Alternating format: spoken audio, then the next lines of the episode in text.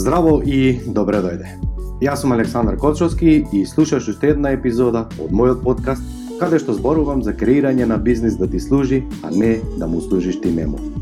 Секој успех има своја цена. Една од цената која што треба да ја платиме за да изградиме успешен бизнис и живот е лична едукација, а тоа е што представува моја страст. Дали на вистина ни треба нам мотивација или само ни продадува ефтина приказна за да не збуни уште повеќе? Обично, кога размислуваме за мотивација, мислиме дека е тоа нешто скриено, мислиме дека е тоа некаде да тргнато настрана, а нас нешто ќе ни дојде тој момент да не мотивира од внатре или од надвор, ние ќе почнеме да креираме некои резултати. Е па еве еден пример да видиме дали е така или не е, и целта ми е кон крајот на ова моје обраќање да видиме каде е уствари таа мотивација, дали ни е потребна, не ни е потребна и ќе одгатнеме многу работа. Колку пати беше на некој семинар за мотивација. Рипаше, скокаше, доби идеи, запишуваше, си даде ветувања дека од утре ќе почнеш со ова, од нова година ќе почнеш со тоа, само уште да пројде први, од заутре ќе почнам со штедење, од позаутре ќе почнам со диета, само да го земам плата ќе почнам ова или ќе почнам она, и на крајот ништо од тоа не се случи. Јас а, верувам, а и вие ако сте малку искрени со себе, сигурен сум дека се препознавте барем во еден пример од сите овие. Тогаш, ајде да видиме дали на вистина нас некој треба да не мотивира од надвор, или ние ја имаме постојано таа мотивација внатре во нас, само едноставно не знаеме да ја откриеме и да ја ставиме секако во функција, нели? Епа, ајде да забележиме една многу важна работа. Колку пати прочита некоја книга, толку беше мотивиран, и сега му е мајката. Нема шанса, па јас се знам што треба, па и не знам како. Значи, едноставно, не функционира таквото нешто. Е, ајде да направиме една паралела. Доколку по некоја предпоставка утре треба да одиш на годишен одмор. Дали ќе бидеш ти мотивиран да, не знам, да ги спакуваш коферите, да се ангажираш, не знам, со автомобил, такси, авион или што и да е, Дали ќе ти недостасува мотивација да станеш утре рано, во, не знам, во 5 часот, да изнајмиш такси или не знам што, за да стигнеш на авион, да одиш на одморот со ништа, така што долго време го планираш, или може би ќе те мрази, не знам, има и такви, они уплаќаа по 5000 евра и ги мрази они да се качи на авион, па вика, е, ја вега, не мора да одам, па има и друг пат, ја не сум нешто мотивиран да за одморот, здравје, некој друг, па, во некоја друга прилика ќе одам. Или ние сме абсолютно мотивирани да го направиме тоа. Ајде сега уште еден пример. Да предпоставиме, ти го исклучиле, или еве не мора да ти го исклучиле, ти стигнала порака SMS од мобилниот оператор, кај што ти вика, имат подсетување, имате сметка таа и таа, број тој и тол, и износот за плаќање е толку. И вие, какви сте, супер мотивирани, сметката и леташ да ја платиш или онлайн тоа го правиш, небитно, Или напротив чекате последен момент да дојде она шест пати подсетување пред исклучување или не знам што, за на крајот истото и да го направиме.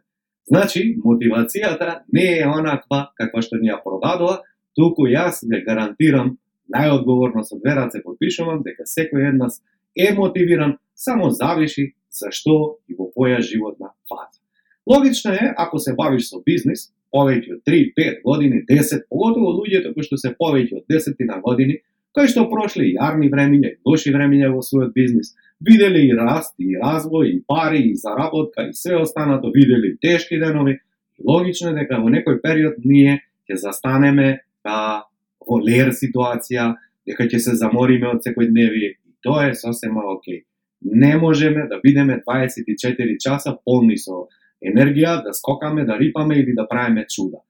Е сега, тогаш како да ја вратиме таа наша мотивација и, и дали уствари имаме механизам да ја, од, да ја активираме кога нас ни, под, ни треба, или треба чуда да направиме, да скокаме или не знам што, и на крајот за 2-3 дена ништо да не направиме.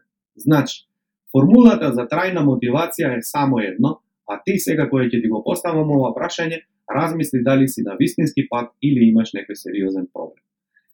Единствената формула за мотивација, зборувам за бизнис, зборувам за се во животот е дали работиш она што го сакаш од срце.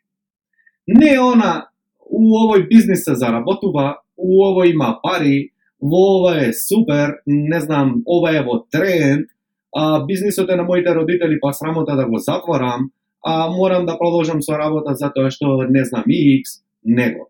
Дали тоа што го работиш, го работиш со љубов и со срце, или го работиш само ради реда? Еве ти го одговорот, го имаш меѓу редови. Ако, се извинувам, ако ти работиш само заради пари, само заради да преживееш, само заради да платиш сметки, како што впрочем работаат повеќе од 98% од луѓето во светот, без разлика дали се бави со бизнис, дали е оди на работа, најчесто луѓето се задоволуваат со ситни работи, односно да заработаат колку да преживеат. Од каде тоа го знам? Па, еве, кога последен пат инвестиравте во вашиот бизнис, во смисла, не знам, едукација на вработените, ваша едукација, и после ќе помине некој период и ќе ме сретне некој клиент, поранешен, сегашен, иден и често пати кога разговарам со предпремачите векаат Александар, нешто во последно време на моите вработени не им се работи, па дали постои некој тренинг, обука, нешто да дојдеш да направиш, малку да ги мотивираме. Е сега да беше Александар наивниот од првата година кога работаше, ќе бараше грешката во вработените, оти, нели, човекот е сериозен, добро знае да, да објасни и толку се вешти во објаснувањето, оти ние, како што кажав предходното видео, ако го се сеќаваш, дека најчесто бараме проблем онамо каде што не постои, а не сме свесни дека тоа е проблемот. И јас ако беше така во минатото ќе правев па анализи, чуда, да видам што е проблемот што вработените не се мотивирани.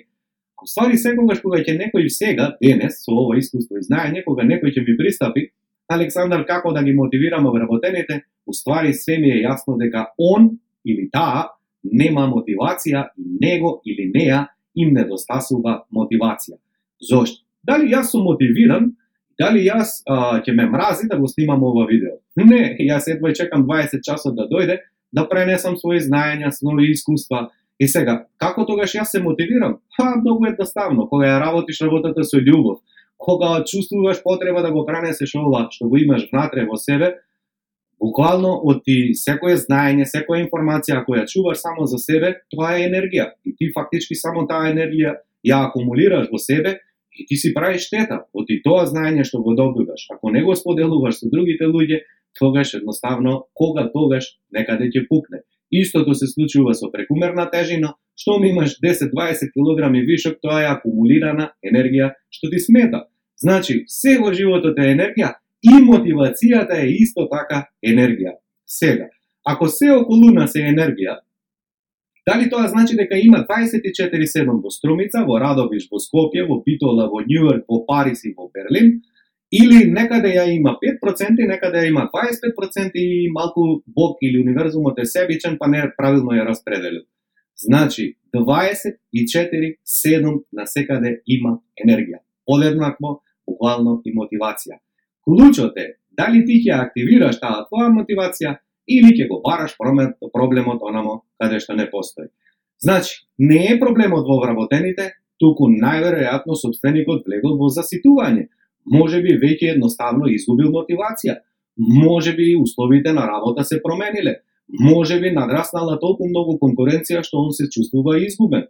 Може би гледа како младите денеска имаат некои други барања, други услови, може би едноставно не ги разбира, но прашањето е што во врска со тоа тој или ти правиш како би ја надминал таа ситуација или само ќе ангажираме трето лице петто или не знам ќе бараме проблем во вработените дека тие не се овај мотивирани и се остана. Втората причина и второто прашање кое што секогаш им го поставувам кога ќе ми речат како да ги мотивираме вработените, многу едноставно е прашањето и секогаш го поставувам во смисла на во чиј интерес зборуваме. Дали зборуваме во твој интерес, заради твои лични причини, или зборуваме во интерес на вработените, а тоа е една сосема друга приказна. Зошто? Еве зошто. Ако е, човекот кој што му го упатува тоа прашање, има личен интерес, тоа значи дека сака да заработи повеќе пари, да ја зголеми фирмата, да скалира, и тоа е еден проблем за решавање.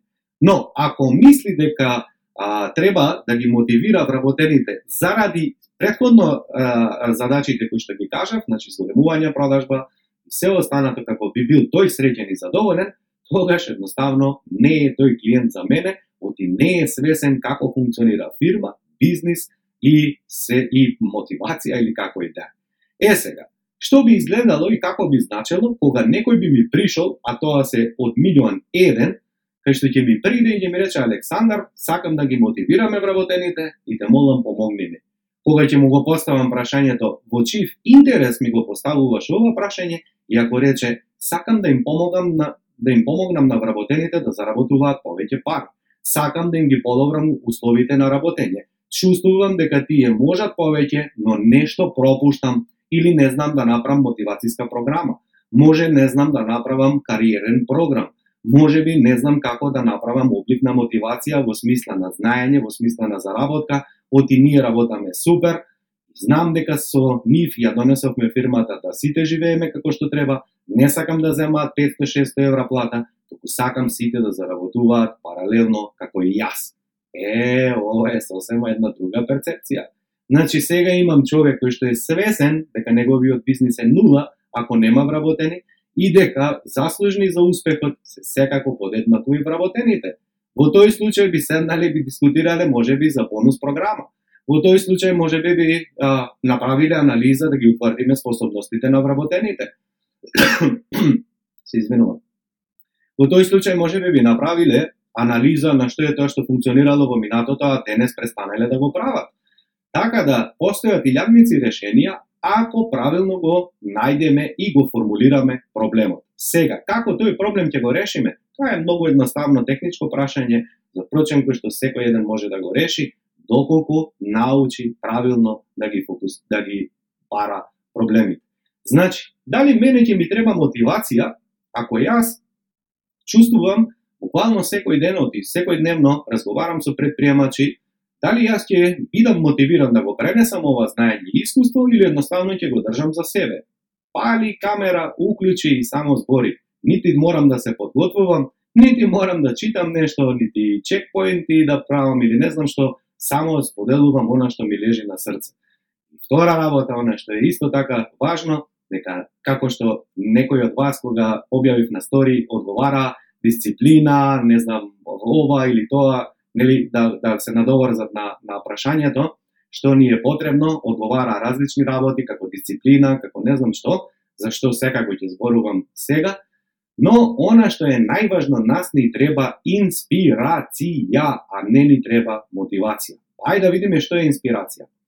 Во мастермен групата која што работаме, тоа е мала група на предприемачи, а јас сум нивен ментор за да им помогнам да изграда 6 цифрен, 7 цифрен бизнис, да работаат паметно, а не напорно, односно максимум 9 часа во текот на неделата, а не 19 часа во денот, дали јас треба посебно да ги мотивирам да скокаат, да рипаат и да заработуваат, или доволно е кога секоја среда ќе се слушнеме и имаме заеднички термин, односно power hour, кога некој од учесниците ќе каже како применил некоја техника, како применил некој метод, како направил некоја промена, па добил нов клиент, па некој ќе каже дека направил добар систем, па некој ќе каже дека не правил добра а, мотивацијска програма за заработка, за вработените, за задоволство или не знам што, и дали треба останатите кои што тоа го слушаат, не знам да рипаат од мотивација, или е само доволно да го слушнат дека ова нешто функционира. Ова некој го применил е сосема окей. Значи следното прашање што се поставува е како јас кај мене тоа можам да го применам и следната среда кога ќе се видиме, ќе слушнеш како нешто применил дали од едниот, дали од другиот како искуство, што значи ние се инспирираме едни со други, дека и покрај тоа што работиме по 10-20 години из бизнис, и покрај тоа што е криза, и покрај тоа што економијава е ѓуре, и покрај тоа што државава не за никаде, и покрај тоа што имаше корона бомбона или економска рецесија, мецесија и како и да е, едноставно може. Тоа е човек кога ќе добие трајна промена никогаш повеќе не се враќа назад.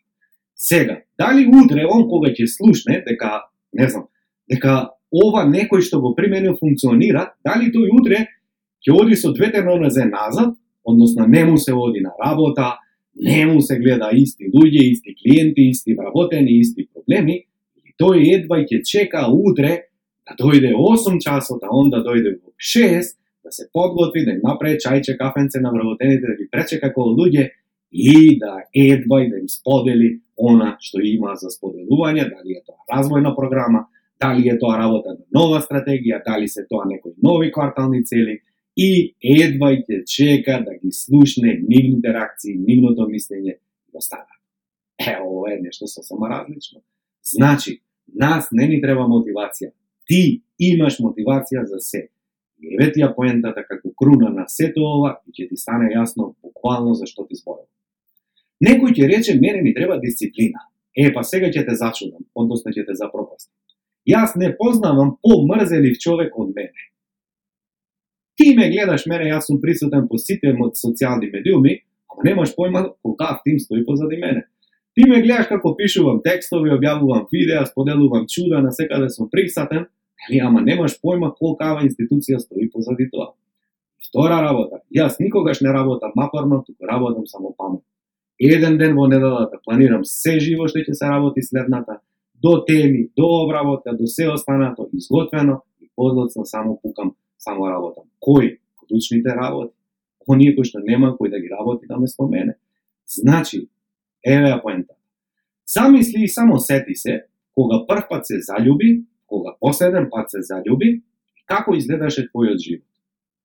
Дали ти требаше мотивација и дали ти требаше дисциплина, енергија, на војнички принцип како што не учат овие модерни векоучи да се чудиш, што вика ти треба да бидеш војник, ти треба да станеш у 5 сати, ти треба ова, ти треба тоа. О, не треба ништо. И ако некој ми каже дека мора и дека треба, апсолутно моје уште се исклучува и викам која будала. Човек си го за себе. Алти едно што научив во животот е дека ништо не морам, ништо не требам. И ако некој ми кажува требаш и мораш, ја му викам fuck you, ама од мене не добиваш ништо тоа што. Значи, што е поентата? Кога беше заљубен или заљубена, дали ти требаше дисциплина да излегуваш навреме на состанок? Дали ни ти недостасуваше енергија, мотивација да се појавиш роден ден, на вечера, на дејт, на излегување, на појма немам што, само знам дека зашто зборам. Знам дека дека ме разбираш. Е како истиот овој човек одеднаш се трансформира, оди редовно на состаноци, чуда прави се, и одеднаш комплетно друга личност. Еве ти ја паралелата. Дали го сакаш она што го работиш, дали им служиш на твоите клиенти со љубов, само те интересира материјалниот Ако те интересира материјалниот дел, ќе ти ја кажам вистината, а тоа е следно. Цел ден можеш да се фокусираш во храна, цел ден можеш да гледаш тегови, цел ден можеш да гледаш вода, цел ден можеш да ги читаш книги за, за фитнес, за атлетско тело и се останато. Но, ако ти во твојот ум не создадеш слика на твојот ти последен период, ти нема да направиш никаква промена. Оти свако чудо за два дана. Што тоа значи дека ти најпрво мораш да се видиш, да се убедиш сам на себе, да си ја продадеш новата личност која што ќе биде во иднина, што ќе работиш, како ќе изгледа, колку ќе заработуваш, како ќе изгледа твојот идеален ден, колку време ќе видиш со семејството, што ќе правиш во слободно време и го наполниш календарот, е, тоа е трајна мотивација. Најчесто кога работам со луѓето кои што ми приту ми жалат дека премногу напорно работат, кога ќе им го поставам календарот, подоцна не знаат што да прават самите со себе и повторно ќе се врати на стариот принцип на работа, затоа што он е изгубен, не знае што да прави сега со слободното време. Нема другари, нема пријатели, семејството клинкаво, нема хоби и што му е полесно? Е, ова е досадно, ајде идам ја да доработам, ај чекај уклучио лаптопот, ај чекај ова, јеве ти постара. Нараво учение. Кога го планираш денот во смисла на работни активности, во смисла на се што што ти задачи кои што ти се на работа, ако ти го планираш и денот приватен за себе, е, придржувај се исто како за клиентите, придржувај се и до твојот план и ќе најдеш секогаш мотивација, оти знаете како. Мотивацијата, енергијата, инспирацијата се заразни. Исто како и љубовта. Кога ти си заљубен, ти си луд за околината, ама тебе ти е пријатно, фино ти убаво се чувствуваш исто и со мотивацијата. Мене обично луѓето кога ме гледаат викаат, што им прешти на луѓето, спакате на семинари, што правите, многу сте мотивирани, многу сте насмеани. Што да му одговорам? Дека е ништо од тоа, само едноставно едвај чекаш како сега едвај чекам да биде среда, каде што цел тим на Mastermind 15-20 луѓе ќе бидеме на целодневен тренинг, знам која вредност ќе добијат, знам какви луѓе се тоа кои што работаат на себе, дали ми треба мене мотивација за тоа. Едноставно ја имаш кога сакаш и кога работиш она што го сакаш. Наравучение, мотивација не ти треба имаш колку сакаш, инспирација е она што ти треба, а за да добиеш инспирација, најпрво мора да се обкружиш со инспиративни луѓе, а не луѓе кои што ти досаѓаат во смисла криза е, немаштија е, нема работа, не чини државава, нема веќе луѓе, нема веќе она. Е, од нив не можеш да добиеш инспирација дури и ти, ако си инспириран, мотивиран, да се обидеш да им помогнеш нив, едноставно ќе речат, добро ве, ти кај живееш. Како знам? Па, обично така ми зборат луѓето, да, добро, ти не живееш у Македонија, не гледаш што се случува. Е, па види, јас само гледам друга телевизија, која што се вика овде, работа на себе. Друго не ме интересира. Се надевам дека доби инспирација како да, да пронајдеш мотивација во себе, доколку а, се доби некој аха момент, или доволно е малку да седнеш, да размислиш што е тоа што го работиш со љубов и срце. Каде едноставно трошиш време и може би се губиш. Не знам, си почнал нешто да работаш и поминале 2-3 часа и викаш, кој пројде два сата? Е, тоа е тоа што сакаш да го работиш, а ти никој не те тера, ако те тера ќе го работиш 5 минута и касо газот што викаат. Ето, значи, каде губиш време? Може би е тоа програмирање. Може би е тоа, не знам, може би е тоа sales letter. Може би е тоа, не знам, креирање на контент. Може би е тоа снимање на видео. Може би е тоа продажба, може е тоа разговор со клиенти, може би знаеш да црташ. Не знам, ти знаеш што е твоја страст. Колку побарзо се вратиш на тоа, оти ти знаеш што е за тебе страст, толку побарзо ќе најдеш мотивација, никогаш нема да ја изгубиш. Ти благодарам што одвои време да ме слушаш на овој подкаст Доколку сакаш да соработуваш со мене, најдоброто место е да се информираш за актуелните понуди е www.aleksandarkochovski.com и секако немој да заборавиш да се претплатиш на мојот ньюслетер, каде што исто споделувам бесплатни информации и навремено ќе дознаеш за сите бесплатни онлайн тренинзи.